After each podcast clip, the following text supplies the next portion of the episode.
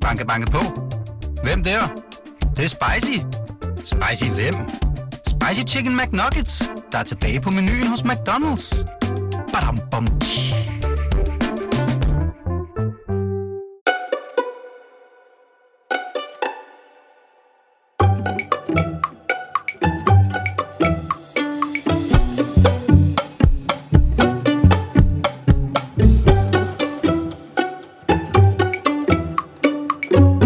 Velkommen kære lyttere til BT og det gode selskab. Og tak for alle reaktionerne fra jer lyttere efter sidste uges premiere. Det er en fornøjelse at fornemme både opbakning og engagement.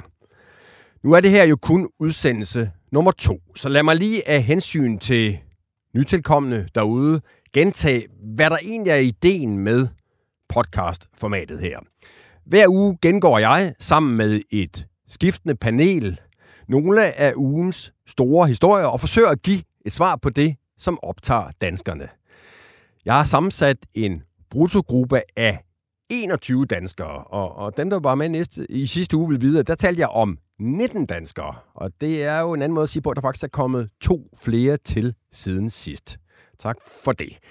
Øhm, om de 21 danskere, der er på brutolisten, er der det at sige, at de mildest talt er meget forskellige, men jeg tror, de har et til fælles, nemlig at have noget på hjerte. Og så er de, som jeg vist også sagde i sidste uge, alle som en mennesker, som jeg rigtig gerne vil sidde til en middag med og diskutere nogle af tidens store spørgsmål og dilemmaer. Lad os komme i gang, øh, og lad os øh, høre, hvem der sidder sammen med mig i det berømte Studio 8 i, i Pilestræde. Pilestræde. Velkommen til dig, Teresa Skavenius. Tak skal du have.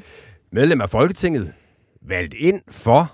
Skal jeg supplere? Ja, gør ja. lige det. for Alternativet. Men øh, nu løsgænger. Løsgænger. En af, en af mange I jo efterhånden. I kan lave en klub derovre. Ja, det er lige før, ikke? Øhm, og, og der var jo et eller andet, ikke, ikke på, vi, fordi vi på nogen måde skal, skal dvæle med det, med det men, men der var jo noget med dig og samarbejder, man slog sig lidt på det og sådan noget. Hvordan har du det med det? Jo, men det er jo øh, de der smedekampagner, man i politik bliver udsat for, og som øh, er et, et forsøg på, og det er jo magtkampe, som så ligesom får de her personlige skær, for hvis man ikke kan holde sig til bolden og diskutere det politiske, så er det typisk, at politik så bliver meget personligt, og det ser vi jo, skal vi også diskutere i dag, øh, og det var det her også et eksempel på. Så, øh, så, så substansen i det var jo den her politiske uenighed, og hvad vi skulle i Alternativet. Så. Og velkommen til det, til det gode selskab, og, og, og det gør ikke noget, man slår sig på hinanden her, det skal du vide, altså så giv den, giv den endelig gas. Øh, også velkommen til dig, øh, Bent Isager Nielsen. Tak. Sidst jeg snakkede med dig i en anden sammenhæng, der kom jeg frygtelig galt afsted, fordi jeg kom til at kalde dig tidligere politikommissær. Det kan jeg godt huske. Og så, så kiggede du på mig som om, at øh, jeg virkelig havde fornærmet dig. Du har, så bare, jeg, du har bare degraderet mig, men det er jo også en ærlig sag. Ja, og, og den fejl vil jeg ikke begå igen. Nej, så godt. vi siger det som det er. Du er tidligere politiinspektør. Mm. Og så er du, som de fleste vil vide, øh, tidligere drabschef og chef for Rigspolitiets rejsehold. Og så er du jo en her, her der og alle vegne i, i medierne. Ikke mindst i den, i den her uge af, af årsager, vi, jeg ved, vi, vi vender tilbage til øh, senere i udsendelsen. Tak fordi du vil være med, Bent. Selv tak, Henrik. Og så har vi øh, som rosinen i pølseenden, fede abe. Ja, Hvorfor tror du, jeg kalder dig det? fordi det er, er jo min øh, digitale tilstedeværelses navn. Og, og, hvor, og undskyld mig, Anders Lund Madsen, hvor kom den lige fra? Fede abe? Øh, ja, den kom fra, en, da jeg fik installeret øh, internet i mit hjem en gang for mange år siden, så var det passwordet, som den unge tekniker kom og foreslog. Og det var fordi, det havde han brugt til alle på Østerbro, og så var det nemt. Og så, så var det ligesom det, jeg hed på internettet. Så ja, jeg ved ikke, Ja, det, er ikke, det er ikke nogen særlig klog forklaring, men den er sand. Er det ikke fed, fed det? det Jo, man er Ah, jo godt i stand, ikke? Godt i stand, Så, men- godt i stand. Abe, det er nok at lige at trods alt at stramme den. Ja, vi er jo alle aber. Ja, det kan man måske sige. Eller, Og så, så skal lytterne vide, at du faktisk indfandt dig her i Pilstræde for øh, få minutter siden med en mulepose fra af alle Mm. danske bedemænd. Nå ja. Ja, Øh. og det, kan da, det vækker noget furore. Åbenbart et tabu stadig. Nej, men altså, det har jo om ikke andet ført til, at vi inden vi gik i studiet havde en... Føler, at vi har haft en, en frugtbar debat. Ja, allerede. Therese ja. har, og, og, har åbnet meget op Mhm. mm. øh, omkring, og jeg har fortalt om øh, øh, altså, den, den nye kremeringsform i Sverige, med hvor man jo frysetørrer på forsøgsbasis. Og ja, og så er det jo, fordi hele driften er, nu skal det her jo ikke blive en debat om det, men der er meget, øh, ved du også, øh, ressourcespil derude. Og noget af det sidste, man gør her i tilværelsen, er så for i hvert fald 92 procent af danskernes vedkommende, så at forurene en gang til, fordi man bliver brændt. Ikke? Og det tager... Det tager 90 minutter for sådan et gennemsnitslig. Jeg vil tro, det tager lidt mindre for dig, Teresa, fordi du vejer garanteret ikke så meget, og, og, men, men dig og mig og Bent, det er det op omkring.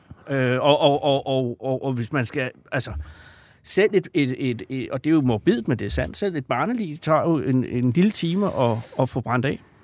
Så, så, og det er jo på gas eller olie. Det kører ret gammelt skoleagtigt. Og i sådan nogle diskussioner... Og i sådan nogle... Ja, undskyld, Ben, kom. Sagde du, at det her, det her program her, det er god selskab? det er der. Jeg synes, at vi, for, og, og, og, og, det lytterne, og det lytterne skal vide er, at vi, vi, vi, i sådan nogle diskussioner øh, byder vi jo alle ind med, hvad vi har af, af viden, og, og så, og således også dig, Ben, fordi du øh, sagde, at hvis man nogensinde har taget livet af nogen, så skal man lade være med at forsøge at hælde benzin over på brændt med, fordi det tager rigtig lang tid. Det tager betydeligt længere tid end under veldefinerede civiliserede forhold som en kremering. Fuldstændig. Det tager meget længere tid, men ja. det er en anden sag. Ja. Så man, man skal benytte sig af andre metoder. Jeg har andre gode forslag, hvis jeg vil sige det. Og det vil du ikke. Det vil jeg ikke. Nej, Men, men det der med benzin og sådan noget, lad være med det. lad være med det. Det duer ikke. Så også for miljøet, Therese. Ikke? Det er jo, altså, det, er jo, vi skal jeg synes, det er ja, vigtigt Det er jo det, vi også snakkede om. Hvordan kan vi ligesom øh, Ja. øh, omstille krematorierne til at blive mere grønne?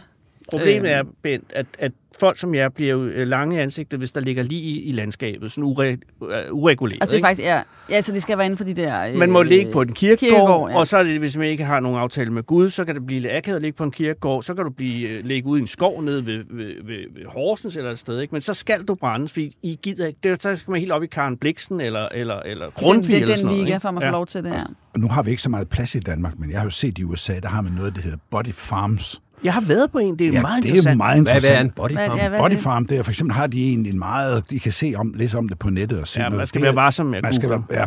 Men det er altså det er videnskabelige forsøg, hvor politi, retsmedicin og kriminalteknikere ja. kan undersøge, hvad der sker med lige under kontrollerede former, så folk, der har testamenteret det, så anbringer man de døde mennesker. Okay, så der er sådan en form for forskning. Ja, altså, ja, så anbringer Oh, man ja. dem, du ved, i muld. Hvad, siger, hvad, gør, hvad, hvad gør solen? Hvad gør ormene? Hvad gør fluerne? Ja.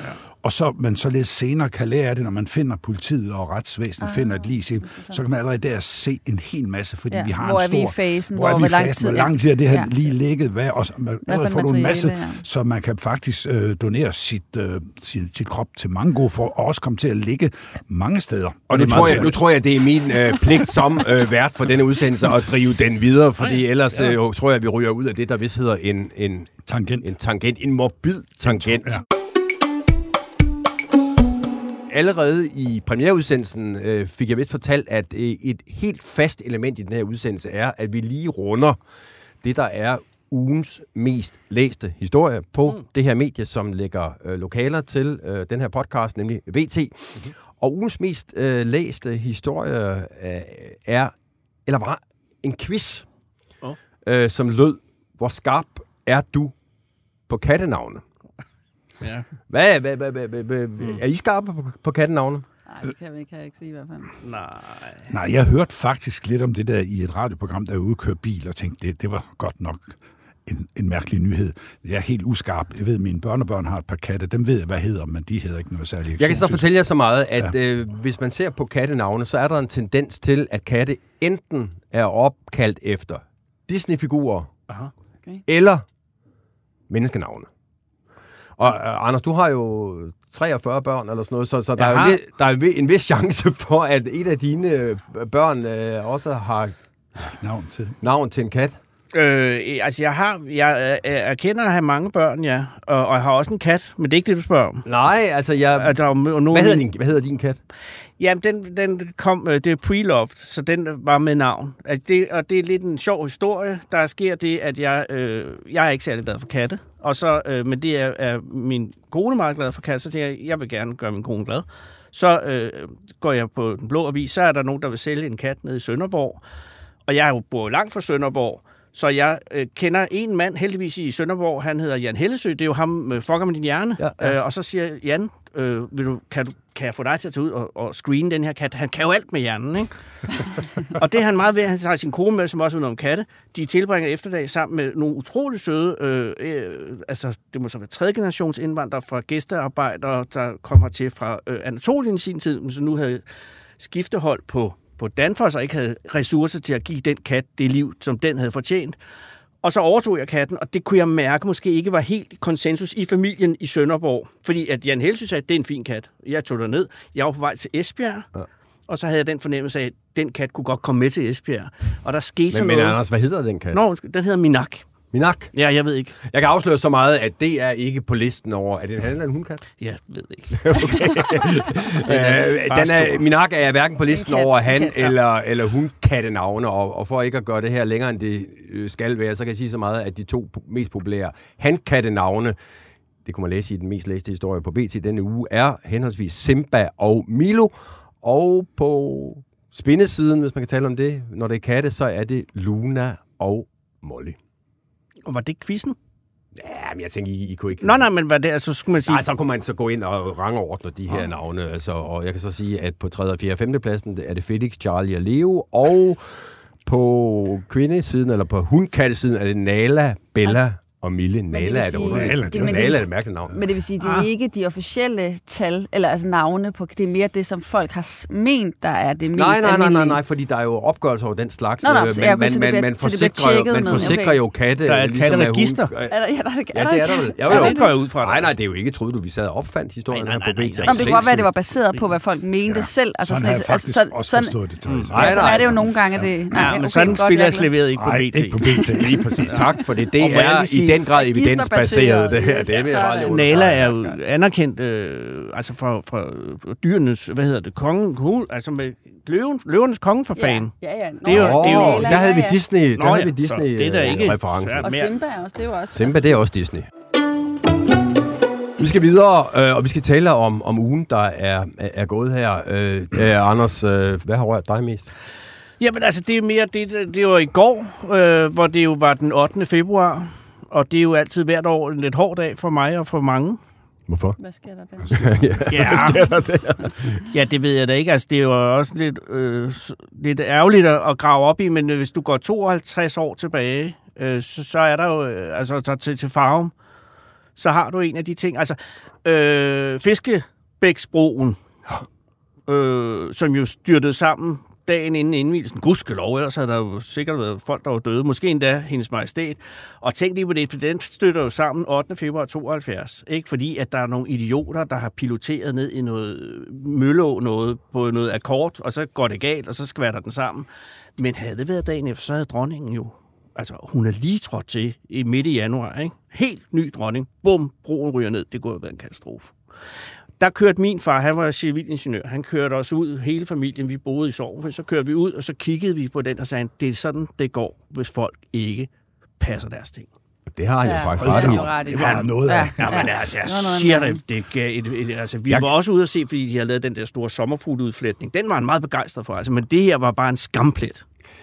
Jeg kommer fra Aarhus. Kender historien om, det er lidt i, på, på, på, den, på den samme frekvens, kender historien, da der skulle laves sådan en omfartsvej ned til containerhavnen, Oh ja. øh, hvor man så byggede en, øh, jeg hedder vist viadukt, altså hvor, hvor Ja. ja. lastbilerne kunne køre under, mm. så mm. de ikke kom ind. Jeg kender godt stedet der. Ja. Øh, ude i Marcellesborg, Ja, ja, ja, ja, ja, ude for enden ja, af Marcellesborg ja, ja. Der var bare sket det, at øh, den, øh, der havde projekteret den her viadukt, havde taget fejl af, hvor høj en container er. ja. Så der manglede lige præcis to centimeter i, at øh, standardcontaineren kunne komme nedenunder. Og det er bare ærgerligt. Er det træls, ikke? Ja, det er. Ja.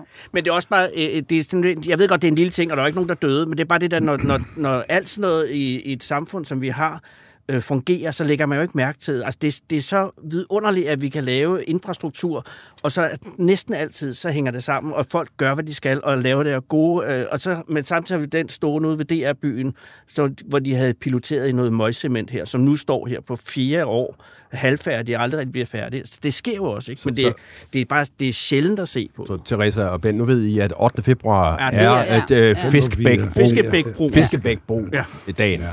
Skammens dag. Således øh, oplyst øh, går vi til dig, Bent. Hvad mm. berører dig mest i ugen her? både det, der berørt mig mest, men også det, der er fyldt mest Ja. i mit ja. liv, det er jo det, er jo det uh, gennembrud, der er kommet i den her 34 år gamle drabsag, drabet på Hanne Witt, uh, den nat, hvor 89 blev til 90, altså nytårsaften øh, 1989. Hun var narkoprostitueret, og drabet på hende har været uopklaret i mange år. Øhm, og så kom det jo frem, som de fleste nok hører, at øh, Københavns politi har anholdt en 53-årig øh, slagter for Randers, som nu sidder varetægtsfængslet øh, på særlig bestyrket mistanke, som dommeren sagde i sin kendelse, for det her drab. Og det berører mig meget, fordi at det er et godt signal, det der med jagten på morderne stopper aldrig, det bliver ikke forældet. Dem, der går rundt derude og tror, de slapper afsted med det, de ved aldrig, hvornår politiet øh, banker på, og det har den her slagtersvend sikkert også gået og tænkt.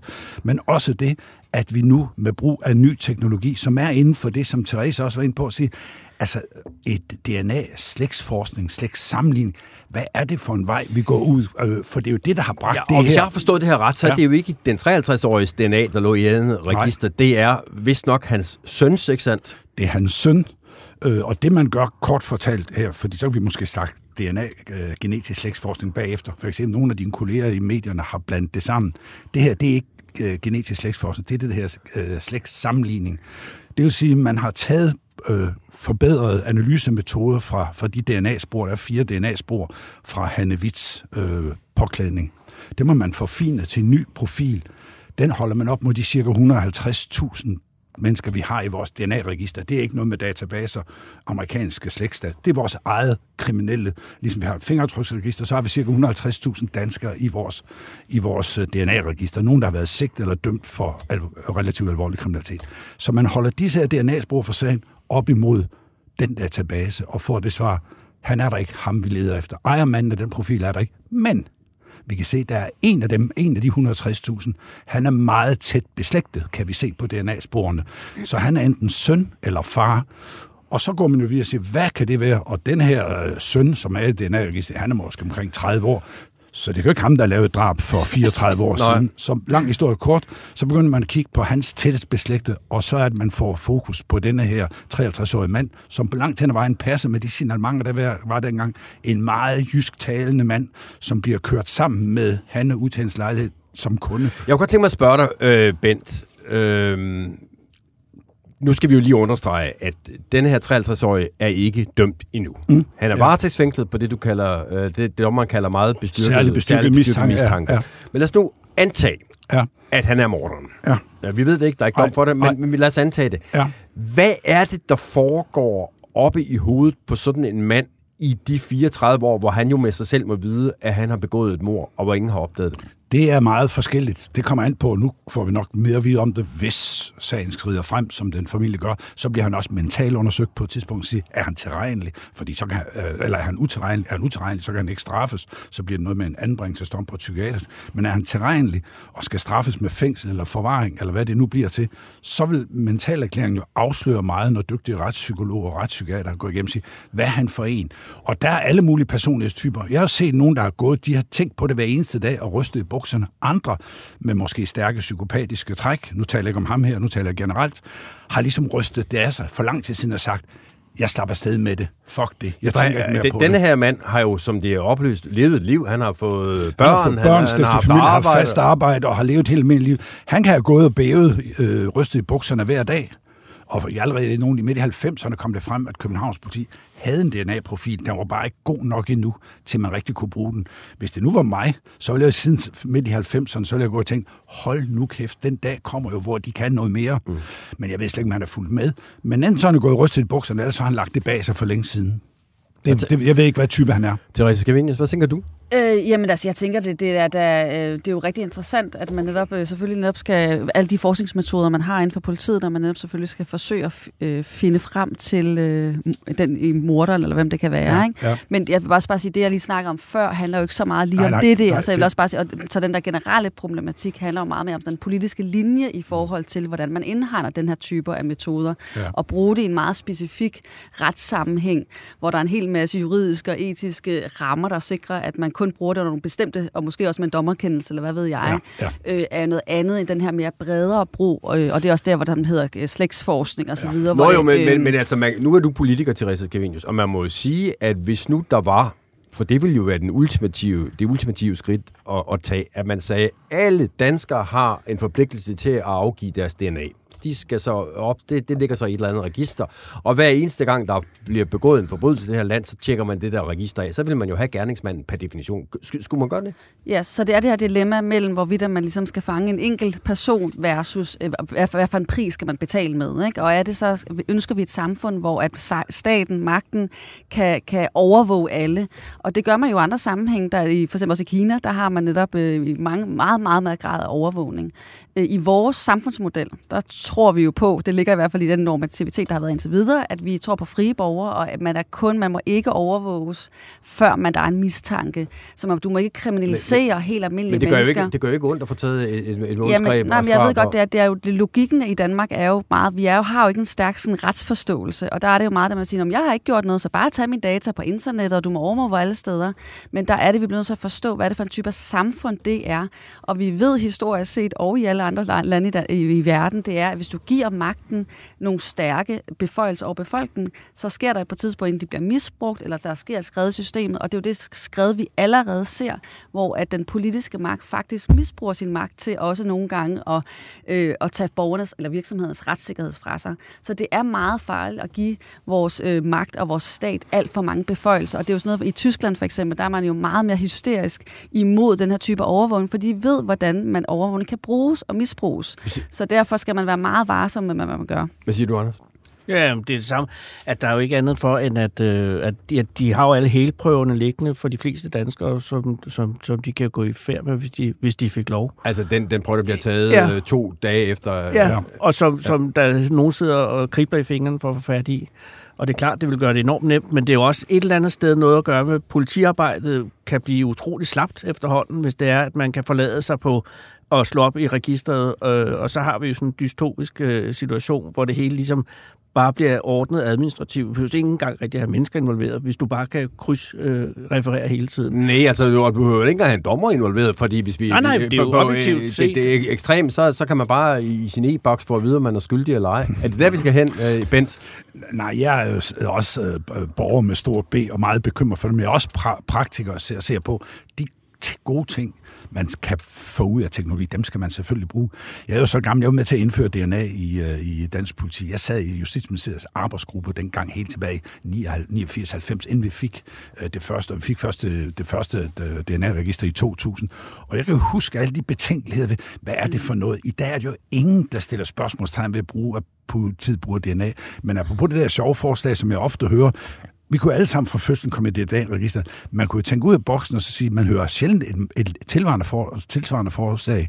Når vi når puberteten som mennesker, så er vores fingeraftryk dannet. Hvorfor skal vi ikke alle sammen, når vi er færdige med at gå til præst, eller hvad vi nu gør, op og aflevere vores øh, fingeraftryk, fordi øh, så kunne vi også have fingeraftryk, eller, ja, hvad, vi, hvad, hvad, eller, eller, vi, eller vi som borgere hver andet år, eller for kvinder øh, hver halve år, fordi de skifter hår og udseende hele tiden, så afleverer vi et vellignende foto. Således, mm. det skal altid politiet have i deres database. Mm. Men, Jamen, men, men svar, måske sige, mit... grund til, at man ikke skal have det, det er jo så fordi, man, så er det jo et samfund, der hele tiden forudsætter, at borgerne er kriminelle. Jamen, Therese, du og, hører og, sikkert også, at jeg siger, at jeg, ja, ja, okay. jeg er egentlig langt nej, nej, okay, fordi og så hørte ja. jeg bare, jeg skal lige sige, så hørte jeg også et smart, nu kan lytterne ikke se, at jeg sætter i gåstegn, og det var et velmenende forslag, jeg hørte, så siger, alle mænd fra 16 år op efter, de bør bære en GPS-tracker. Mm. Således man altid kan se, når der sker et overfald på en kvinde i det offentlige rum, så kan du altid se, hvilke mænd har været tættest på, og så kan politiet købe simpelthen. Er det smart? Ja, det er sgu da skidesmart set ud for sådan ren.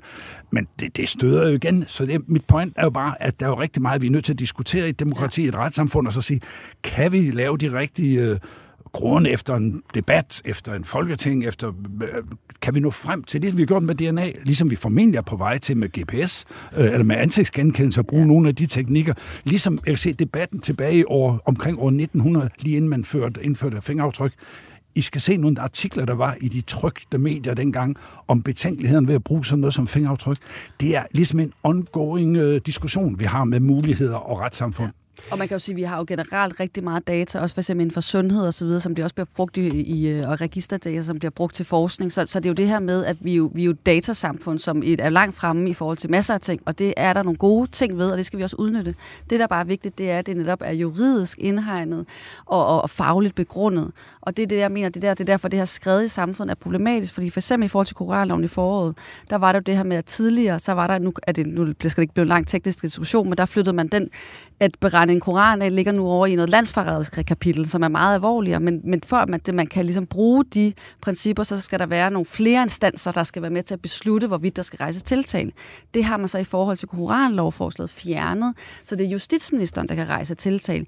Det er jo et eksempel på, at man hvor man i før havde nogle meget strikse regler at sige, at hvis vi skal rejse den her type af tiltag, så er der tre instanser, der skal være enige, og det skal være fagligt begrundet og juridisk osv. Nu har man så fjernet den og sagt, at nu er det bare en politisk afvejning. Og det vil sige, at hvis det bliver det samme i forhold til de her typer af ting, hvor man kan sige, at der kan godt være nogle faglige og juridiske grunde, hvor inde i en ramme, hvor det kan være rigtig konstruktivt for vores viden, men hvis man så putter det i hænderne på en meget, øh, hvad hedder det, magtfuldkommen justitsminister, så bliver det pludselig rigtig fagligt, farligt for for eksempel kritiske journalister eller kritiske øh, forskere eller noget andet. Lad os lige på, bare lige her, inden vi, vi går videre til, til næste emne, så kunne jeg godt tænke mig at spørge dig, øh, Anders. Ja. Øhm, da du hørte om den her sag forleden dag, om den her 53-årige mand ja. øh, over i øh, det jyske, der Randers. er blevet, Randers, ja, blevet anholdt på sin arbejdsplads, tænkte du da, nu har de ham? Eller tænkte du, der er, det kan godt være, der er noget DNA, men der er stadig tvivl? Jeg er bange for, at de tænkte, at jeg tænkte, de har ham. Fordi det er jo en... Øh, Men er det ikke farligt, at man Jamen, det er sådan? enormt farligt. Og jeg kan huske det der, fordi øh, jeg sad øh, på toppen af Rigshospitalet den øh, nytårsnat, fordi jeg havde lige fået mit første barn øh, nede på Rigshospitalet to dage inden. Og så sad vi op og så nytårsraketterne, og så pludselig var der en øh, udrykning, og så tænkte ja, det var en anden, øh, og det var den, vi gik ind i den nye årti der. Ja, det gik ja. ind i 90, og, og, og, og, og, og så tænkte vi, det var nok været noget ballade, og så var, var der det der mor, som, som havde været der næste dag. Ikke? Øh, og, og, og det var den der frygtelige 24 måneder, hvor, hvor der er enormt mange uopklarede øh, kvindemor i, i København, øh, som jo stadig, jeg tror, der er stadig tre tilbage, ikke? Ja, tre eller fire, der er uopklaret stadigvæk. Ja, ja. og, øh, og, og så, øh, så var det bare, fordi hun var en af de, at hun er en af de, altså, som ikke havde så meget omtale dengang, fordi hun bare var sexarbejder, og, og, og, og ligesom, Øh, så jeg blev enormt glad over, at nu har... Men det har de jo ikke, fordi selvom det er bestyrket, særligt bestyrket mistanke, så er det jo stadig lang, lang vej hen til en eventuel øh, domfældelse. Tror du, de har ham? Bent. Sådan noget udtaler jeg mig aldrig om. Det overlader vi trygt til domstolen. Men jeg kan sige... Nej, men det gjorde Anders dog. Ja, ja. Altså... Men nu, har, jeg, nu skal jeg også passe lidt med på, hvad jeg siger om retsvæsen, tror jeg, en Anders Lund Madsen skal, med al respekt. Men, men jeg vil sige, det at man... Jeg har det, en ren straffetest. Ja, det, jamen, det er ikke det, jeg mener, jeg siger... Øh, som, pers- hvad som person, rolle, du tager Hvad for en rolle er... Nej, det er sgu ikke noget med din straffetest. Den nej, kender jeg ikke. Nej, nej. Men, men jeg tænker på, altså...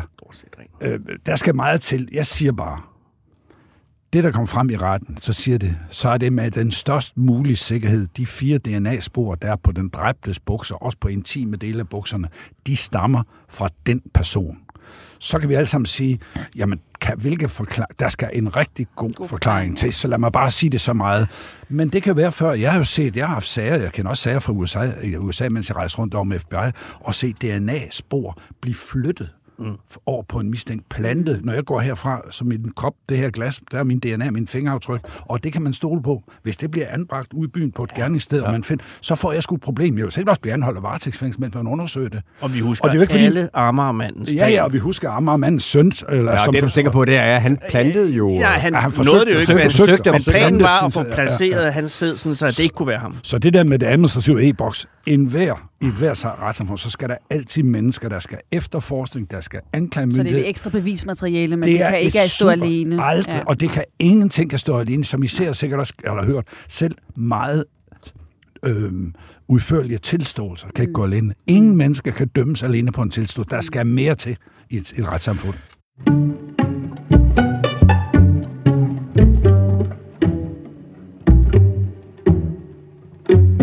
Venner, vi skal videre i teksten, øh, og det skal vi med et øh, noget så dejligt som et, øh, et spørgsmål fra en af lytterne til første udgave, hvor jeg jo opfordrede øh, lytterne til at byde ind med øh, ting, de måtte være mm. øh, interesseret i, dilemmaer, de så, øh, ting, der optog dem.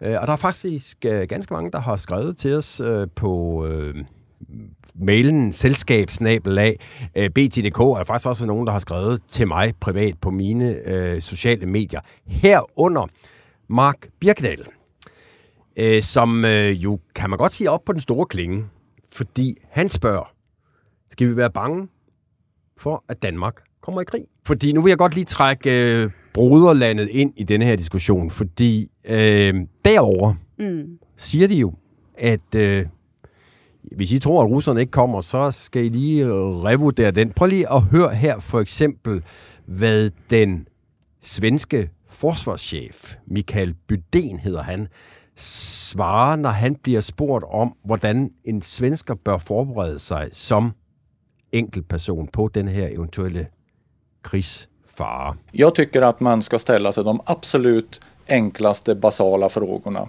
Om det som händer i Ukraina idag händer här imorgon, är jag då förberedd? Vad ska jag göra? Det er jo rimelig klar tekst, det her. Øh, det er Ukraine i dag, og det kunne blive Sverige i morgen, og Danmark øh, i overmorgen, Anders. Jeg har et hus i Sverige, ikke? og de tager det jo lidt mere konkret derovre. Det har de altid gjort, men de har også været neutrale i mange år, så de har haft lidt mere inde på livet. Mm. Og, og, og, de er, og begge mine naboer øh, har, har forråd, og det har de altid haft. Bare lige til en uge eller 14 dage. Nu er de altså også udkendt Sverige, jeg bor i derovre, så det er måske en lille smule mere. Men, men det er jo ikke på den måde øh, åndssvagt, synes jeg, øh, og, og øh, være klar til en strømsvigt i en uge eller sådan noget, øh, under alle Og omstændigheder. det er jo også noget andet. End, altså det, det er jo igen det der med, hvad for en type af krig er det, vi kigger ind i. Ja. Er det det der, er det den territoriale krig, eller er det for eksempel, at vores internet ikke virker, fordi der bliver skudt en satellit ned? Altså det er jo mere det, og der skal man forstå, at den type af samfund, vi har, er jo ekstremt sårbar over for, øh, at vi jo stort ingen kender nogen telefonnummer længere, man kan ikke finde rundt længere, hvis man ikke har en GPS. Man, altså man har simpelthen ikke adgang til, nogen kan måske ikke åbne deres hus, øh, hvis de ikke har en telefon. Det vil sige, vi er et meget sådan, digitalt sårbart samfund, og det betyder, ja. at det er nogle, nogle andre steder, jeg tror, man skal kigge for at sige, at der kan vi virkelig blive sårbare, og det betyder så i forhold til at forberede sig, der synes jeg, at man skulle have sådan nogle stærkere planer, eller motivere flere øh, fra statens side at sige, at vi skal faktisk have noget forråd, og man skal sikre sig på en anden måde, fordi at hvis, øh, det er jo det her med, det som jeg frygter for eksempel, det gjorde jeg også under corona, altså hvis der sker de her typer af konflikter, som vi lige pludselig ikke kan håndtere, og der er nogle samfund, der lukker ned, så skal man jo forstå, at meget af det, vi har i vores supermarkeder, kommer jo langvejs fra, mm. øh, og det meste af det bliver udskiftet efter på få dage. Og hvis man bor i byen i København for eksempel, ikke, så har du altså ikke adgang til at kunne plante nogle øh, kulderrødder og trække dem op. Så er du altså alene afhængig af, hvad der er nede i dit lokale supermarked. Og hvis mm. der ikke kommer varer ind internationalt fra, og der var nogle korte perioder, hvor der var lange køer øh, med lastbiler, der ikke kunne komme ind, så man så fandt en løsning på. Men i de scenarier, så, så er det altså et problem, at der er ingen borgere derhjemme, der har, kan overleve meget mere end få dage på det, de har i deres Men- men, men- køleskab. men Er, er, du, er du nervøs for, for, for krigen? Og, om, om end, altså måske i den lidt overførte forstand, med, eller i den helt bogstavelige, som, som, som svenskerne får at vide, de skal være? Jeg er ikke nervøs, men jeg tilhører også en generation, og måske også en politisk observans. Jeg har altid gået ind for, at vi skal have et, et, et, et, et stærkt forsvar i Danmark. Jeg har selv været soldat. Jeg har også haft en, offi- en kort officerskarriere i militæret. Så jeg har en, en grundlæggende øh, tro på, at et hvert land skal kunne forsvare sig selv. Vi har jo, som andre så siger, vi har pakket os lidt ind under øh, NATO's paraply i modsætning til, til, til svenskerne, og vi har nok kørt meget på frihjul, fordi vi har kunne levere nogle ting, som gjorde, at NATO har accepteret os. Men hvis vi pakker NATO væk, og så kigger isoleret set på Danmarks evne til at forsvare sig selv militært i dag, så vil jeg jo påstå, at den er, ej, det tør jeg ikke at sige, at den er ikke eksisterende, men den er godt Der er nok. bataljonen. der er bataljoner, som stadigvæk ikke er... Øh, Den er der om to år, Ja, ja, om stort to, set. så, så jeg er ikke nervøs. Jeg håber på, og jeg tror på, at, øh, at verden... Jeg, jeg tror på, at verden er et godt sted. Det skal nok falde på plads. Så jeg vil ikke sige, at jeg går og er bange for, øh, og, og at vi, vi kommer traditionel krig med. Jeg deler der Therese, der er der rigtig meget. Noget, I måske ikke ved. Jeg vidste ikke indtil for nylig. Hvis ikke vi har elektricitet, så har vi heller ikke vand. Nej, i det er mange ele- steder, I ja. mange steder, Ja. så kræver det jo elektricitet at få vandet ind i boligerne. Så det er jo helt katastrofalt, hvad der vi kan ud... Og der, der, der synes jeg faktisk, at vi netop har Ja. lavet et meget sårbart system. Det har altså, jeg har nemlig også været på nogle Ja. ja. skoler, hvor man ja. simpelthen ikke kan altså nu, det er så helt bare ude for hos forbrugeren eller borgeren, ikke? Mm. at du kan simpelthen ikke få vand, uden at der er elektricitet. Og det er jo et vildt sårbart samfund, du lige pludselig, vi har lavet os. Men jeg lige i forhold til det der med NATO, der kan man sige, at ja, så, så længe der er et stærkt NATO, så tror jeg, så, så er vi jo ikke alene, hvis, hvis vi skulle blive invaderet, skal man huske. Nej, Men Problemet vi er så- hvis men problemet Trump er, at Trump- præsident, så ved vi jo ikke Lige lige, præcis, så vi ved jo ikke, hvad status er på, på, på NATO-alliancens styrke. Øhm, så på den måde, så jeg, jeg er faktisk grundlæggende meget nervøs for, hvordan, hvad for en situation vi er i lige nu. Altså man skal forstå, Europa mister magt. Øh, vi får, har nogle eskalerende krige i Mellemøsten, øh, og vi har et aggressivt Rusland, som vi ikke har allieret os med, og så har vi et uforudsigeligt USA. Europa står et meget, meget svagt sted, og det har vi igennem historien et par gange, gange prøvet, og det er aldrig gået rigtig godt. Vi har bataljonen. Jeg kan jo høre, at der er øh, noget, vi kan, vi, kan- vi kan klinge os til. Men der der. er jo en rystende øh, øh, uforstand omkring, hvad, øh, hvad, hvad Danmark egentlig kan, når det, når, når, altså hvis det brænder på. Det er, det, det er sådan helt absurd, hvor, hvor uh, altså, jeg så nogle opgørelser over, hvor lang tid en by som London kunne klare sig, hvis man skal forsyningslinjerne af, og det er under en uge, ja. før at, at der er ingen kontrol over noget som helst. Og det er det samme øh, i, i, i store byer i, i Danmark. Og, og, og sådan noget ting som elektricitet, ja, det, er, det er så vanvittigt, at folk ser det som, som givet, at, at det bare er der, og det kører, fordi vi har jo bare en vidunderlig øh, struktur. Det er det samme med Fiskedamsbro, eller Fiskebæksbroen. Ikke? Vi er bare vant til, at det kører, men det gør det jo ikke. Men, men helt konkret, øh, prepper du derhjemme? Nej, men, men, men det kan jeg da love dig for, at jeg skal til nu, fordi at min gode ven Rasmus Dahlberg, som er øh, hvad hedder, katastrofeforsker, øh, han, han har jo ligesom åbnet ind til sine og siger, at man skal i hvert fald have 14 liter vand. Men, det, altså, men, du kan jo, så kan du købe 14 liter vand, så kan du købe øh, 1000 liter vand. Det, det, det nytter ikke noget. Jeg har så mange børn, jeg ved ikke engang. Det er hvor meget vand jeg Men det er nemlig også det der problemet, for jeg har forsøgt tænkt faktisk på, at man skulle gøre det under coronatiden, fordi det der, i den periode, hvor det var meget usikker på, hvad, hvad kunne de her politiske ja. systemer faktisk finde på at gøre. Øh, og så var det, at jeg tænkte, om okay, men er det sådan noget vand, og er det et gammeldags kort, jeg skal have i min, min taske? Forloren en skildpadde. men så var det så, at jeg netop gennemtænkte at sige, om det, det nytter jo ikke noget, fordi hvis nu for eksempel jeg så laver et stort, øh, hvad hedder det, hamstrer en hel masse, jamen så har jeg jo lige pludselig noget af værdi, mm. som andre mennesker, naboen så vil komme og hente, når de går rundt og sulter. Så det vil sige, det nytter, det, det er meget stakket frisk, og derfor er det, det er også derfor, jeg laver politik. Det er fordi, jeg for mig så er der ikke andre løsninger, Nej. end at vi laver noget politik, der sikrer, at vi kollektivt kommer igennem de her kriser.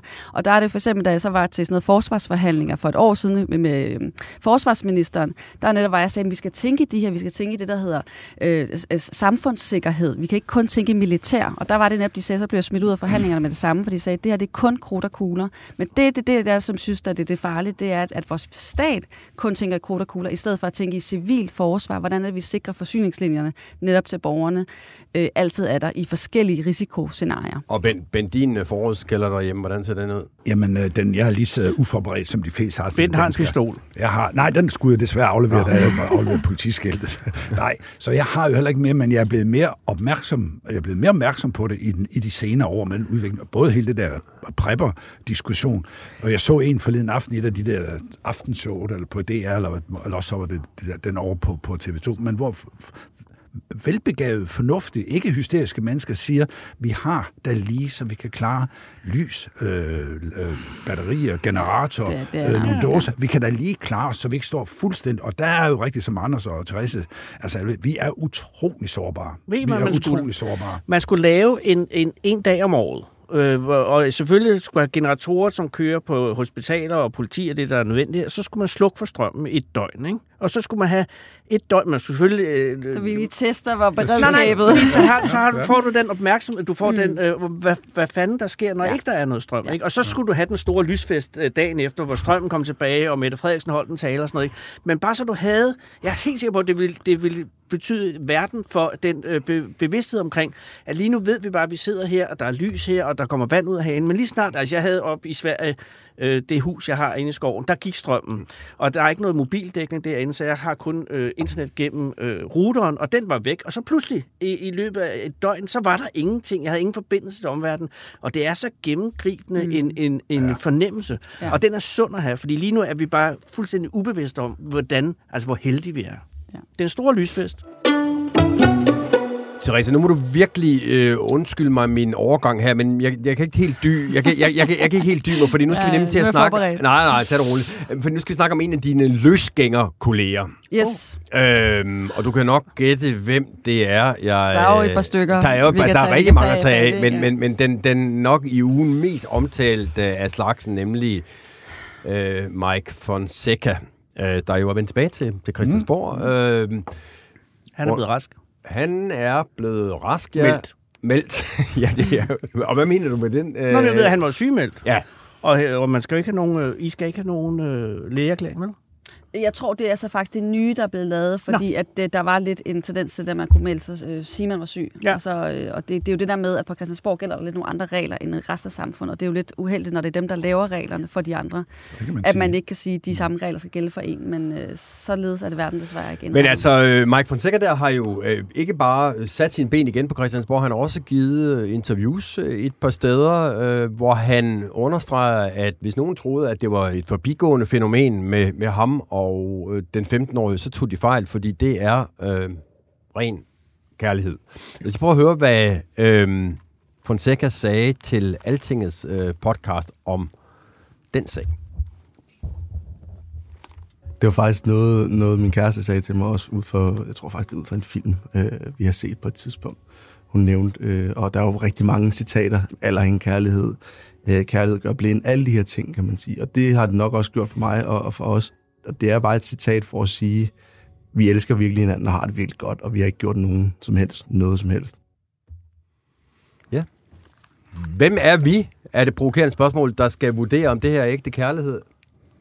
Jeg tænker, det må være, det må være vildt grusomt at skulle under alle omstændigheder have sit uh, privatliv uh, vurderet af alle mulige. Lige meget, hvem fan man er. Uh, det, det, det, det er bare infamt. Altså, at, at det ligesom... Nu er det fordi, at det er, er, er sådan en ekstrem uh, sag i, hvor, i vores uh, kulturhistoriske øjeblik, vi er lige her. Uh, så derfor så er det ligesom blevet fri, frit... Uh... Men, men siger du, at Fonseca har fået en for hård tur? Jeg, jeg har en, det har jeg ingen belæg for at sige hverken det ene Jeg siger bare, at det er godt, det ikke er mig. Fordi at, at det er jo, altså, han har jo ikke gjort noget ulovligt, øh, så vidt jeg kan forstå. Har han? Er der en sigtelse på vej? Øh, den er droppet. Ja, der er undersøgt, han er blevet anmeldt til, jeg tror, Midt- og Vestjyllands politi. For grooming? Ja, også, ja. så vidt jeg forstår, med mistanke om øh, sex med mindreårige. Man skal jo være... Øh, fem, den seksuelle lavalder er jo 15, 15 ikke? Ja. Og det har øh, politiet jo meldt klart ud, at man ikke har fundet belæg for at sige, at der hverken er foregået grooming, eller der har været en seksuel relation. Øh, og grooming, for lytterne der ikke lige ved det, det er jo den der, siger, hvor en voksen groom, altså får snyder sig ind på et barn med henblik på senere at udnytte hende. Dem har vi nogle frygtelige sager Det er et rigtig kæmpestort problem, men det er en anden sag. Så i hvert fald politimæssigt og straffemæssigt øh, er der meget at se, indtil der kommer efter. Så det, det vi kan sidde og diskutere her, som alle kan diskutere, det er moral. og åbenbart gør det med stor glæde, og mm. alle har en mening om, det er moralen. Og hvad, hvad tænker du om det, Ben? Jamen, jeg tænker, jeg har jo selv, jeg har børn og børn, piger, den ene i den alder. Jeg vil godt nok være ked af, eller tænk, hvis hun kom med en 28-30-årig kæreste. Det vil jeg. Men jeg går ud fra hendes forældre, altså min datter og svigersøn. Altså, jeg håber, familiestrue er stærk nok til at se igennem det. Altså, 13 års aldersforskel, som jeg forstår der her, det er jo ingenting, hvis vi ser rundt i samfundet. Der er jo nogen, der er 40-30 års forskel. Problemet er jo selvfølgelig, at den yngste part er så ung, så begynder det at blive noget. Men jeg tror, jeg siger, jeg er jo tidligere politimand, er der ikke noget strafbart, så lad det der moralen ligge. Hvis man skulle tænke politisk, eller sådan noget, så siger jeg, det er en langt, i min optik, langt mere mærkeligt og mere skandaløst, at det nu er kommet frem, at over 1200 mindreårige piger er blevet tvangsgiftet barnebrud her i landet. Nogle af dem under den seksuelle lavalder, og alligevel har danske, det danske samfund i en eller anden berøringsangsthed, fordi det her det er indvandrermiljøer, så har man fandme givet kongebreve, eller hvad det hedder, og accepteret, øh, det er jo langt mere, og det kører ligesom om, det kører fuldstændig under den politiske radar. Det er en skandale. Det der, det kan ikke få mig så Men, men, men kan man, øh, synes du og synes I, med oprejst pande, hvis man er 28, komme ind og sige, her er min partner, hun er 15, og vi elsker hinanden. Er det okay? Altså, det er jo det her med, at vi lever i et liberalt samfund, hvor at øh, så længe man er inden for straffeloven, så har vi ikke holdninger til, om man har det ene eller andet tøj på, hvad man spiser. Det er jo sådan noget, man godt ved kaffebordet kan have masser af holdninger til, men det er jo ikke noget, vi sådan har, det skal ikke være en del af den offentlige politiske samtale. Øh, men det er jo det, der er problemet her, det er, at vi har øh, udenrigsminister, vi har øh, masser af folk i vores toppen af det her samfund, som bruger dagevis på at diskutere hans privatliv. Mm. Og for mig er det altså et symptom på et, et rigtig dårligt politisk samfund, hvor at vi ikke kender og holder fokus på de store linjer. Vi snakkede lidt om for, at hvis man kommer fra politiet, så har man en rolle i at, at, at, at tale ud fra politiets øh, rammer. Mm. Øhm, mens jeg, der, så har jeg det på samme måde, at hvis man er inden for den politiske institution, så skal man altså tale lidt som nogle myndigheder, sådan en funktion, et embede, nogle lovgiver, og der skal man altså ikke gøre sig i, i forskellige øh, men, hvad men, hedder det, moralske snakker omkring det. Men, altså, længe det inden for der rammer, er jo masser af ting, man gerne må, men som man bare ikke bør gøre. Men Henrik, det er jo fordi, det er enormt nemt det her. Det er jo enormt konkret, og du behøver ikke at tænke på, at øh, om, om russerne kommer, om alt muligt andet, og klima og sådan noget. For her, det kan, du kan mærke det ind i maven. Det er forkert, ikke? Og så kan du kaste hele din følelsesenergi ind i det, og så pludselig har du, får du sådan en belønning af, mm, godt, jeg er ikke ligesom, ligesom Mike, som er ond, ikke? Og jeg, det er da også mærkeligt, det Mike han gør, det siger for, jamen det er ikke ulovligt, og så må man jo lade være. hele tiden, ikke? Præcis, ja, der er nogen, der sidder og, og, og, og laver ulækre ting derhjemme, som jeg ikke har lyst til at vide, men jeg kan heller ikke sidde og sige, det må I ikke gøre, fordi at hvis ikke det er ulovligt, så har vi kun, så er det jo noget med Gud og moral og sådan noget, og det ændrer sig hele tiden, så det er jo meget men, svært. Men nu kigger jeg så over på politikerne i, i lokalet, og det, det er jo dig, Therese. Altså, mm. Christiansborg kunne jo, hvis Christiansborg ville sige, nu ændrer vi øh, loven. Ja, og der synes jeg, der, det kan, og det kan vi jo sagtens som sige, om er der relevant at diskutere den kriminelle lav, eller det er jo sådan noget, man disk- har diskuteret Eller den seksuelle den, den seksuelle lav, ja. eller lige præcis, ikke? og netop sammenholde det med, når, hvornår får vi stemmeret, og hvad med den kriminelle lav, eller og så videre, hvornår er man et barn. Og det synes jeg, det der er en virkelig spændende og interessant diskussion, mm. som jeg desværre ikke ved nok om sådan begrundelsen for, men jeg vil gerne sætte mig ind i det, hvis det var det, vi skulle diskutere, og finde ud af, hvornår kan vi kalde et barn voksen. Og det er selvfølgelig ikke noget, der sker fra en dag til den anden. Det er individuelt. Nogen kan, altså, det ved vi jo selvfølgelig alt sammen, ikke? at nogen kan virke også som meget voksne, som børn osv. Og, så videre, Og omvendt, øh, og, ja. og omvendt, Ja, og derfor er det ja. selvfølgelig, at man lovgivningsmæssigt sætter en eller anden ramme, som ikke passer alle, men det er så vilkårene. Øh, så det, der jo er sket i den her sag, det er, jeg der er lidt mere på, netop på Anders' plan, det er, at vi vender os lidt til, at journalistik og politik er sådan noget, vi skal have et følelsesudbrud hver dag. Så er det først, at det Nordic Waste, vi skal have stærke følelser om. Næste dag er det Mike. I morgen er det noget tredje. Det vil sige, at vi er i vores følelsers vold hele tiden. Jeg har en kronik i politikken i dag, hvor jeg netop forsøger at argumentere for, at vi skal altså forsøge at skrue ned for vores følelser, når vi ordner vores samfund, og det gælder både journalister og politikere osv. Vi bliver nødt til at have en mere faglig, savlig, fornuftig tilgang, hvor vi er med lidt mere sådan siger, okay, hvad, hvad er den vigtigste dagsorden i dag? Mm. Det er faktisk ikke, hvad Mike har lavet øh, privat, så længe det er inden for lovens rammer. Og i øvrigt så er der nogen, der kan undersøge det, hvis der er noget relevant, og det der har vi heldigvis gode myndigheder til. Øh, og så kan folk have holdninger til det, og i øvrigt er det jo, at han er en del af en klub, Moderaterne, som har nogle særlige regler, og det er jo så fair nok, at de ikke vil være i klub med ham, men derfor skal vi jo ikke kaste ham sådan ud på det øh, store samfundsheksebål. Øh, så, så jeg synes, vi hele tiden skal holde fokus på, hvad er de vigtigste politiske debatter, og der er der, der, er der sådan noget, jeg bliver meget mere sur. Det er igen resten, der eroderer Mette Frederiksen og pol- øh, med en hel masse politikere, som nogle gange, hvad hedder det, øh, ikke kan finde ud af at øh, handle inden for lovens rammer osv. Det er jo de ting, der er de- allervigtigste. Nu sagde jeg før, øh, Therese, at du var den eneste politiker i, i studiet. Det er faktisk ikke helt rigtigt, fordi Bent, du er jo også en slags øh, politiker. Altså om, om en lokal politiker, Ja, du det er rigtigt. du, Jeg sidder i kommunalbestyrelsen på på, Frederiksberg. på, på Nå, så det er Frederiksberg. der jo vel. Øh, så- de konservative, kan jeg lige så godt sige. Ja, ja, det ja, ja, og- En og af det- de det- største kommuner i Danmark. En af de største kommuner. Ja. Geografisk ikke så stor, men alligevel. Men, men, men, meget men, det for, med, ja. med det forbehold, du er i lokalpolitik Ja, og ikke ja, i, i ja, landspolitik, er du enig i det, Therese siger med, at der er den her tendens med, at, at, at politikere moraliserer for meget? Ja, jeg siger, min grundholdning er jo, som jeg siger, det der, er det strafbart, så undersøger vi det, og så at moral, så må vælgerne jo beslutte, hvad, hvem, de, hvem de stemmer på. Så er det jo en helt anden diskussion. Jeg gør mig bare ikke bedre end andre. Selv når jeg har sagt det, så siger jeg bare, jeg blev ikke engang spurgt hende, jeg sagde det af egen drift. Jeg siger, hvordan vil du så have haft det, hvis dit barnebarn på 15 år kommer hjem med en 28 eller en 38-årig kæreste? Jeg vil ikke, det min første tanke var, godt scoret min pige. Ej, du vil have det stramt med Og det, Jeg vil have det stramt, uanset hvor lidt ulovligt det er, uanset hvor lidt grooming det er, så vil jeg bare synes, den er gal intuitivt. Men det gør jo ikke, det er jo ikke noget med jura at gøre. Det er jo noget med noget helt andet at gøre. Og men, Men- det er bare men- det, jeg tror, jeg giver Therese ret, hvis jeg hørte det rigtigt. Det må vi simpelthen differentiere imellem øh, Ja. jura, lovgivning, og så den, øh, den moral. Og moral har selvfølgelig en, en, en, øh, en rolle i et samfund som det danske, fordi moral og hvad vi mener om hinanden, det betyder noget, når vi vurderer hinanden, og når vi sætter vores kryds. Hvis Men, det men igen skulle man også lige tilføje, at det han jo så, udover det, er blevet udsat for, er jo ikke bare sådan, hov, øh, vi kan ikke lide det, du gør. Nej, det er det, det, det, det, er jo- trusler, det, er jo- det er det er præcis, vold- det er jo meget ting. voldsomt, Ja, ja, det han ja. igen er blevet udsat for. Det er jo også, der er jo nogen, der har sagt, at han måske er sager for øh, en jury og så videre, ikke? Ja, Øh, og det ved jeg sikkert er relevant, men pointen er netop bare, at Nej, det der jo er ikke... været strafferetseksperter ude og sige, at hans egen tidligere partifælle, Monika Rubin, Ja, faktisk præcis. øh, kan, kan, kan, kan, kan, kan, vil, vil stå dårligt, hvis der kommer en sag om, om Ja. ja. jura, ikke? Så, så det er jo det der med ligesom at forstå, at, at, at vi kan godt sådan sige fra over for at sige, det er ikke lige noget, jeg synes. Jeg synes, øh, det, det, er ikke, det er ikke det er lige noget, jeg bryder mig om.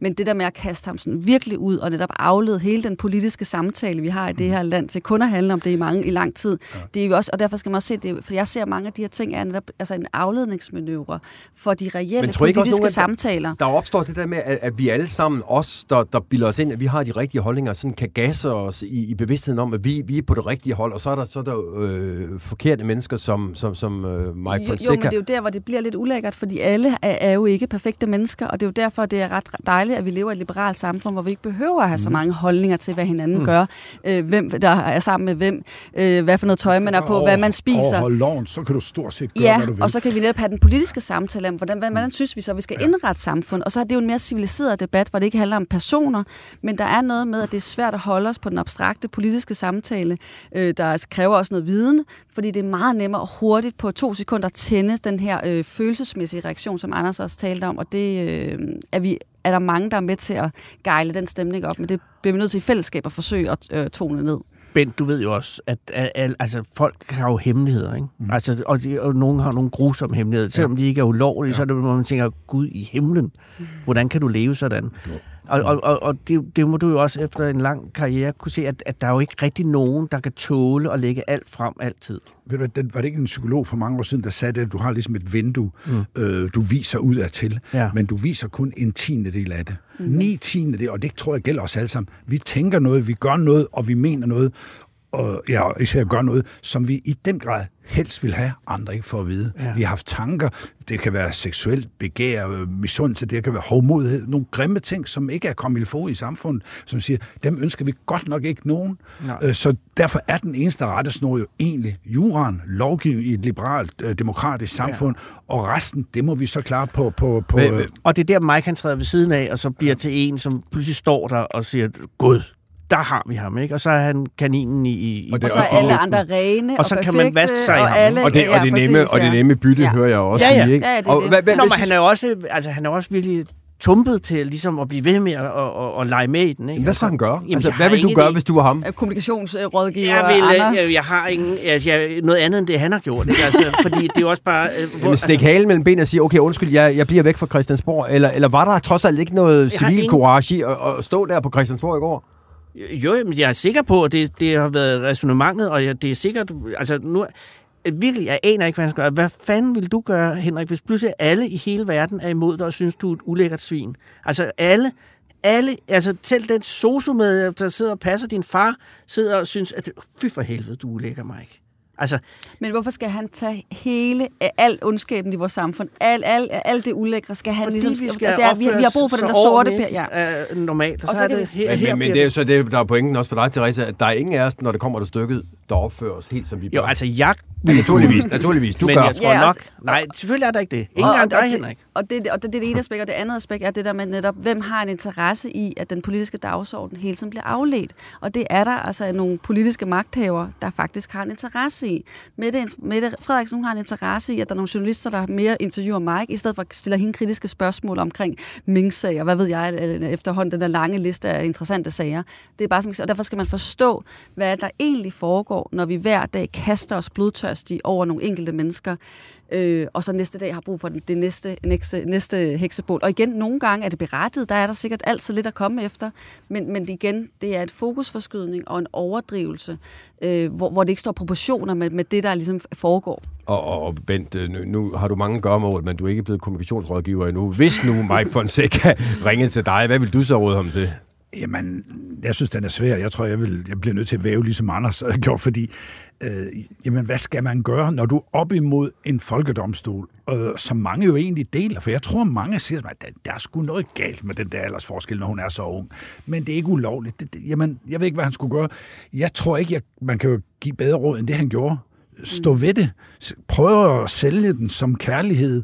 Øh, henvis til hendes forældre, som jeg kan forstå ud og sige, vi støtter, øh, kon- vi, Jamen, jamen, så- vi, vi støtter relation. Køber du, at en 28-årig og en 15-årig kan have en kærlighed i sådan et parforholdsforstand? Jeg ved det ikke, Henrik, men jeg har ser godt nok, jeg ser nogle gange meget, meget, meget gamle, utrolig velhavende mænd, som lige pludselig er i en meget, meget smuk kærlighedsrelation med en pur ung, smuk kvinde.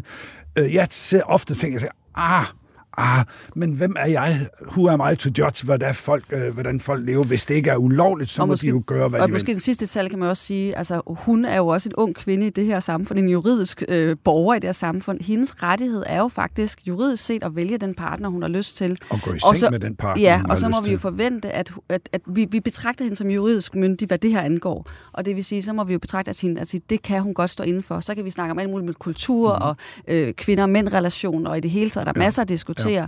Men ja. ellers, men hvis vi ikke betragter hende som juridisk myndig på det her punkt, jamen så må vi jo lave lovgivning om, for så siger vi, at om 15 år kan ikke træffe de her beslutninger selvstændigt.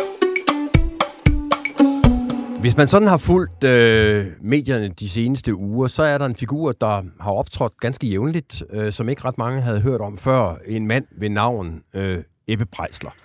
Øh, I første omgang optrådte han, øh, fordi det kom frem, at han havde slået sin hustru ihjel. Øh, men her på det seneste har han optrådt sådan i en sammenhæng, som man normalt ikke ser folk, der slår deres hustruer ihjel, optræde i, nemlig som en, der gæster God Aften Danmark, Aftenshowet, øh, og forklare sådan, hvad det var, han tænkte, da han slog denne her øh, kvinde ihjel, altså hans egen hustru. Hvad tænker I om Ebbe Prejsler-sagen? Er skal- gode, jeg- jeg ved- stærke emner, du finder. Jeg ved ikke, hvem der har lyst til at lægge ud her. Jeg kan da prøve at starte med at sige, uden jeg lige lægger mig helt fast på det, siger, den rammer jo ned i den diskussion, vi har om aktiv, passiv dødshjælp, assisteret selvmord, den, der dræber en på dennes bestemte f- øh, anmodning, som jo paragrafen hedder. Jeg synes jo egentlig, den viser, at retssystem er sådan relativt godt øh, givet til det her. Hvis du kigger tilbage, der er jo sket før. Jeg kan huske, da Diana Bendevejs trådte frem for en 10 år siden og fortalte i en bog, at hun havde faktisk taget sin far, øh, Eli Bendevis, øh, Bennevejs, af dage, fordi han bad om, at han havde det skidt. Og det, det er jo drab. Ligesom Ebbe Prejsler er sigtet med føje for drab, og det er han.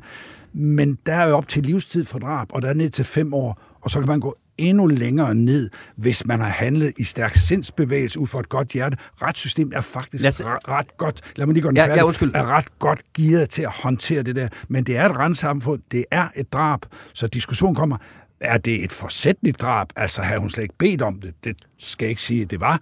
Eller er det det, er det, den, der, er det et assisteret selvmord? Det er også ulovligt i Danmark. Der er en særskilt paragraf 239 i straffeloven. Du må ikke, hvis folk vil begå selvmord, så skal de altså gøre det selv. Og så kan lægevæsen, det er de, lægerne, det er de eneste, der har det ret til det her passivt dødshjælp og, og lade være med. Og, men aktiv dødshjælp, det er der jo ikke rigtig noget, der hedder Men, Danmark. men lad os lige prøve, inden vi fortsætter øh, snakken her, og, og høre øh, hovedpersonen selv, Ebbe ja. Prejsler. Ja. Øh, fordi han var i øh, øh, Godaften Danmark, hvor han blev interviewet i den her uge af øh, Natasha Kroner, og her forklarer han, hvordan han ser det, der, der skete, og hvad omstændighederne var. Det var simpelthen meget enkelt udtryk, fordi, som sagt, jeg kom ved den sædvanlige tid der halv 11, satte min taske, og så godt, hun sad og græd. Og det var ikke typisk for hende, det var det altså ikke. Hun klagede sig ikke, hun var ikke bitter, hun var ikke vred øh, normalt. Men altså, hun sad og græd. Og jeg skynder mig at sætte tasken og gå hen og sætte mig ved siden af hende, tage hende i hånden og give hende et kys. Og, og hun siger, jeg kan ikke mere, jeg vil ikke mere. Grådkvægt. Og så fortæller øh, Prejsler så, at han spørger hende, øh, er det nu, vi gør det? Mm. Og hun svarer så, ja, det er det.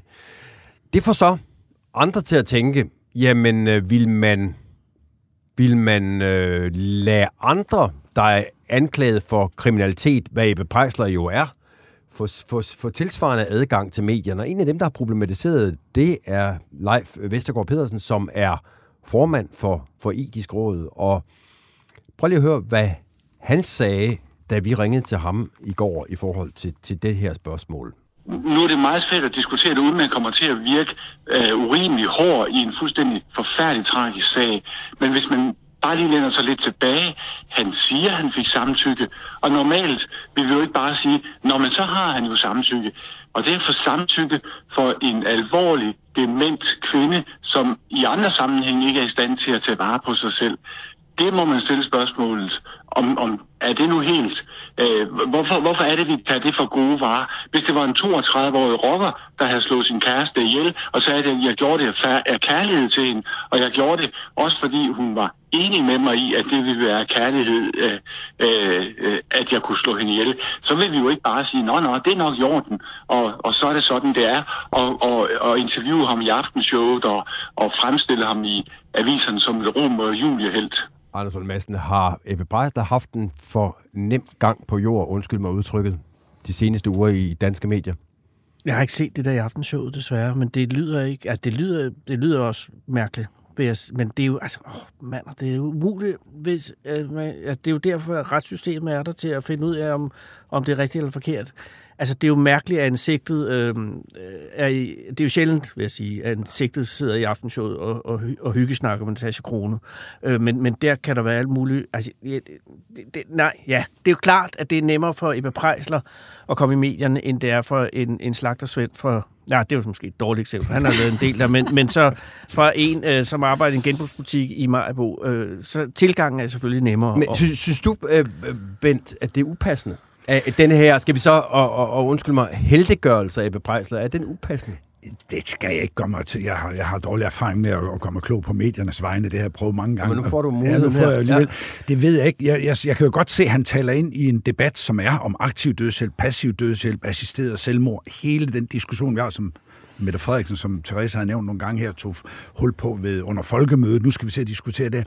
Det er jo, øh, disku, øh, det er jo relevant, men jeg er helt enig i Anders, og, som jo heldigvis også var inde med mig. Ja. Det er derfor, det er godt, det er retssystemet. Jeg er derimod meget mere øh, skeptisk over for dem, der siger, hvordan kan politiet finde på, øh, og hvordan kan retssystemet, denne her er helte, eller nærmest helte, det, det er for tidligt ud, fordi det er jo fuldstændig rigtigt. Er vi sikre på, hvis jeg nu var drabs efterforsker i København, så vil jeg da sige, øh, okay, hvis han ikke normalt kan sige, det der stof, han havde, det er åbenbart, øh, hvad er det, hvad hedder det, øh, hvad det med, med metadon, han har brugt. Hvor har han det? Har han det med sig? Ligger det fast? Hvordan vidste han lige? Øh, var det en forberedt? Øh, Jeg ved det ikke. Han siger, var det nu?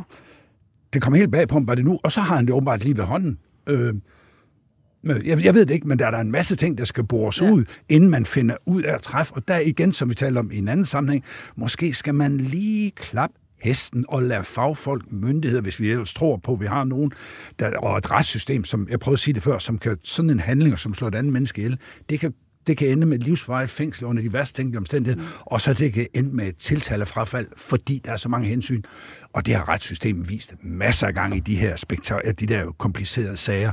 Så jeg, jeg, jeg, men jeg har ikke noget imod, altså, men det er jo fuldstændig rigtigt, altså, du ser jo ikke andre drabsigtede, der får adgang til det, men det er også sjældent, at de taler ind i en samfundsdebat, som er så relevant. Og, og den det samfundsdebat har du jo været inde over, øh, Anders, Ja. med, med den dokumentar, du øh, lavede for ja, et års tid, Halvandet år siden, halvandet ja. års tid Ja. siden om Stakkels øh, Preben, vil jeg gerne have lov, ja. ja, som var så uheldig at få noget i hovedet, og Ja. derefter blev lam fra livet og øh, fra halsen og ned, Ja. og ikke ønskede at leve mere. Ja, det er korrekt. Øh, ja, det var, en, øh, ja, det var en mand, som, jo, som skrev til mig øh, og spurgte, om jeg ville øh, putte ham i fjernsynet, fordi han, han var vred over, at han ikke kunne få lov til at få hjælp til at komme af dage i Danmark. Og han var sur over, at han skulle...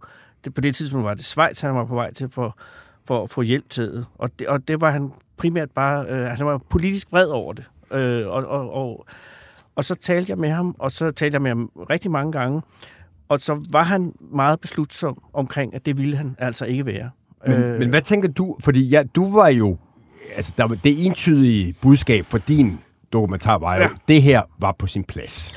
Jeg vil sige, det der var, det, der var øh, pointen i den dokumentar, eller de tre udsendelser, var, at i Prebens tilfælde øh, forstod jeg det godt. Ja. Øh, og, og det var ikke e- egentlig et indlæg i debatten om aktiv dødshjælp. Det var mere et portræt af en mand, som ikke ville være her.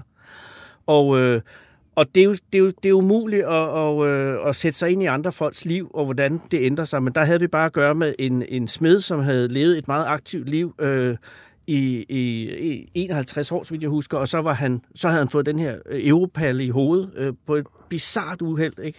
Og så var han lam, og så, så, øh, så ville han ikke være her mere. Så bad hans kone ham om at give det et års chance, øh, og det gav han et år. Og så ville han stadig ikke være her, og så var det, at de gik i gang med at finde ud af, hvordan man Og det jeg også hørt dig sige er, at det, det er sådan øh, upassende at, at, at slå Prebens øh, sag i hardcore med, med Ebbe Prejsler-sagen? Jeg synes, det er enormt svært at lave principielle ting, fordi, altså, øh, øh, og, og, fordi hvornår er det rigtigt at gøre det, og hvornår er det forkert at gøre det, det vil jeg aldrig nogensinde turde sige øh, generelt. Og det er siger god fornøjelse til de politikere, der skal lave en eventuel lovgivning omkring det her. Ikke? Men jeg kan bare sige, i Prebens tilfælde, der forstod jeg ham godt. Andre vil ikke forstå ham.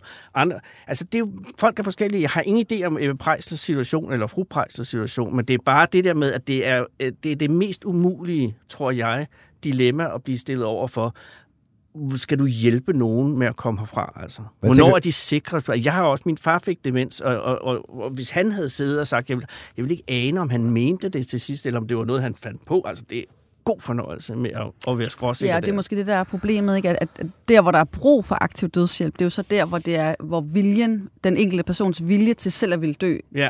bliver, er, er måske omdiskuteret. Fordi hvis de stadig er ved deres fulde find og har lyst til at løbe, så kan man jo gøre det øh, selv, så at sige. Ikke? Og i Og det og tilfælde, Preben var ved sine fulde fem. Fuldstændig, ja. og, og, og han havde jo også, i, det var så i Belgien, han endte med at, at, at få hjælp til, og der har de jo et system, at du skal tale med en læge, så skal du så have en, en periode, hvor du vegeterer over det, så skal du tale med en anden læge, skal de to læger tale sammen, og de skal så blive enige om, at han er rationel, og han virkelig mener det. Ben Benita, Jamen, jeg, jeg tænker bare på, det er jo nogle kæmpe store dilemmaer, og folk er jo, som andre siger, sagerne er jo forskellige. Men jeg tænker tit på, at jeg har haft masser af også sager med, med selvmord og sådan noget. Og selvmord og forsøg på selvmord er jo som bekendt lovligt i Danmark. Det er ikke strafbart. Det er der jo i nogle lande. Der bliver man straffet, hvis man forsøger at, at, at tage livet af sig selv. Og mange af de her selvmord, eller selvmordsforsøg, det er en gang. Og langt de fleste, jeg kender, de er jo glade for, at det ikke lykkedes. Mm. Så det siger, man skal også være meget, meget overbevist om, at det ikke bare er et øjebliksbillede. Mm. Fordi øh, så kan du jo let sige, masser af de her øh, selvmordsforsøg, de gør det jo aldrig mere. Og, og som jeg siger, priser så lykkelig over, det er ikke lykkedes, de blev reddet. Og så det, hvor, hvor fattet var den beslutning egentlig? Hvor, hvor, hvor resonabel var den? Hvor velovervejet var den? Og så kan man jo diskutere, jamen hvad rager det også i et liberalt samfund? Hvis jeg ønsker at dø nu, så skal I hjælpe mig med det.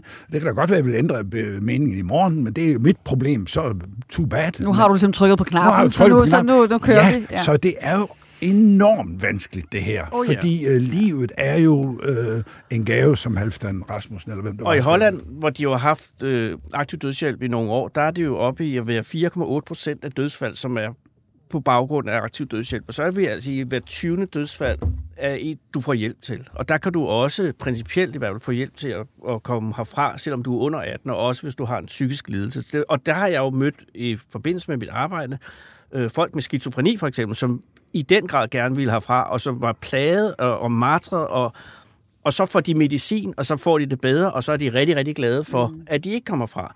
Men der vil du i Holland i hvert fald principielt have mulighed for, øh, hvis du har skizofreni, at sige, jeg vil gerne herfra, jamen vi hjælper dig med igen. Eller hvis du er en, en, en kvinde i puberteten, som har spiseværing eller sådan noget, jeg vil ikke være her, så har du også ret til at blive respekteret.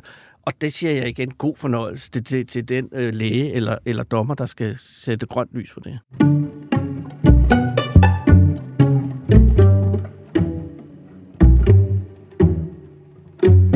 Og ved hvad, det blev øh, sidste øh, bemærkning i denne uges udgave af BT og det gode selskab og det gode Så pakker Teresa loven til, sammen igen. og det, øh, det gode selskab den her uge var, øh, synes jeg godt, vi kan tillade os at sige, at det var det gode selskab. Mm. Det var nemlig dig, øh, Ben Lisa, det var dig, Teresa Scavenius, og så var det dig, øh, Anders Lund Madsen, alias øh, Fede Abe. Det har været en Jamen, jeg, jeg, jeg, er så, så skal man. jeg er så fascineret af det der fede af, Jamen. så det kan jeg ikke lade, lade være med at sige. Øhm, det har været godt at have jer her, og øh, jeg kan sige så meget, at jeg er tilbage med en ny udgave af BT og det gode selskab øh, i, øh, i næste uge i, i anden opstilling. Øh, jeg håber, at I lytter har synes, det har været værd at lytte til. Skulle det være tilfældet, så er I meget velkommen til at gå ind og kommentere, øh, både på en mail eller like på mig. Subscribe. Like og subscribe, nemlig ud på, øh, ud på podcast-udbyderne, fordi det er nemlig rigtig godt for algoritmerne. Er det ikke rigtigt, Anders? Like og subscribe. Præcis. Tak fordi I lyttede med. Mit navn er Henrik Bortrup, og vi høres ved i næste uge. Tak for dejligt engagement. Og... Jamen, øh, i lige måde. Godt. Godt selskab. Godt selskab. Godt selskab. Godt selskab. Virkelig.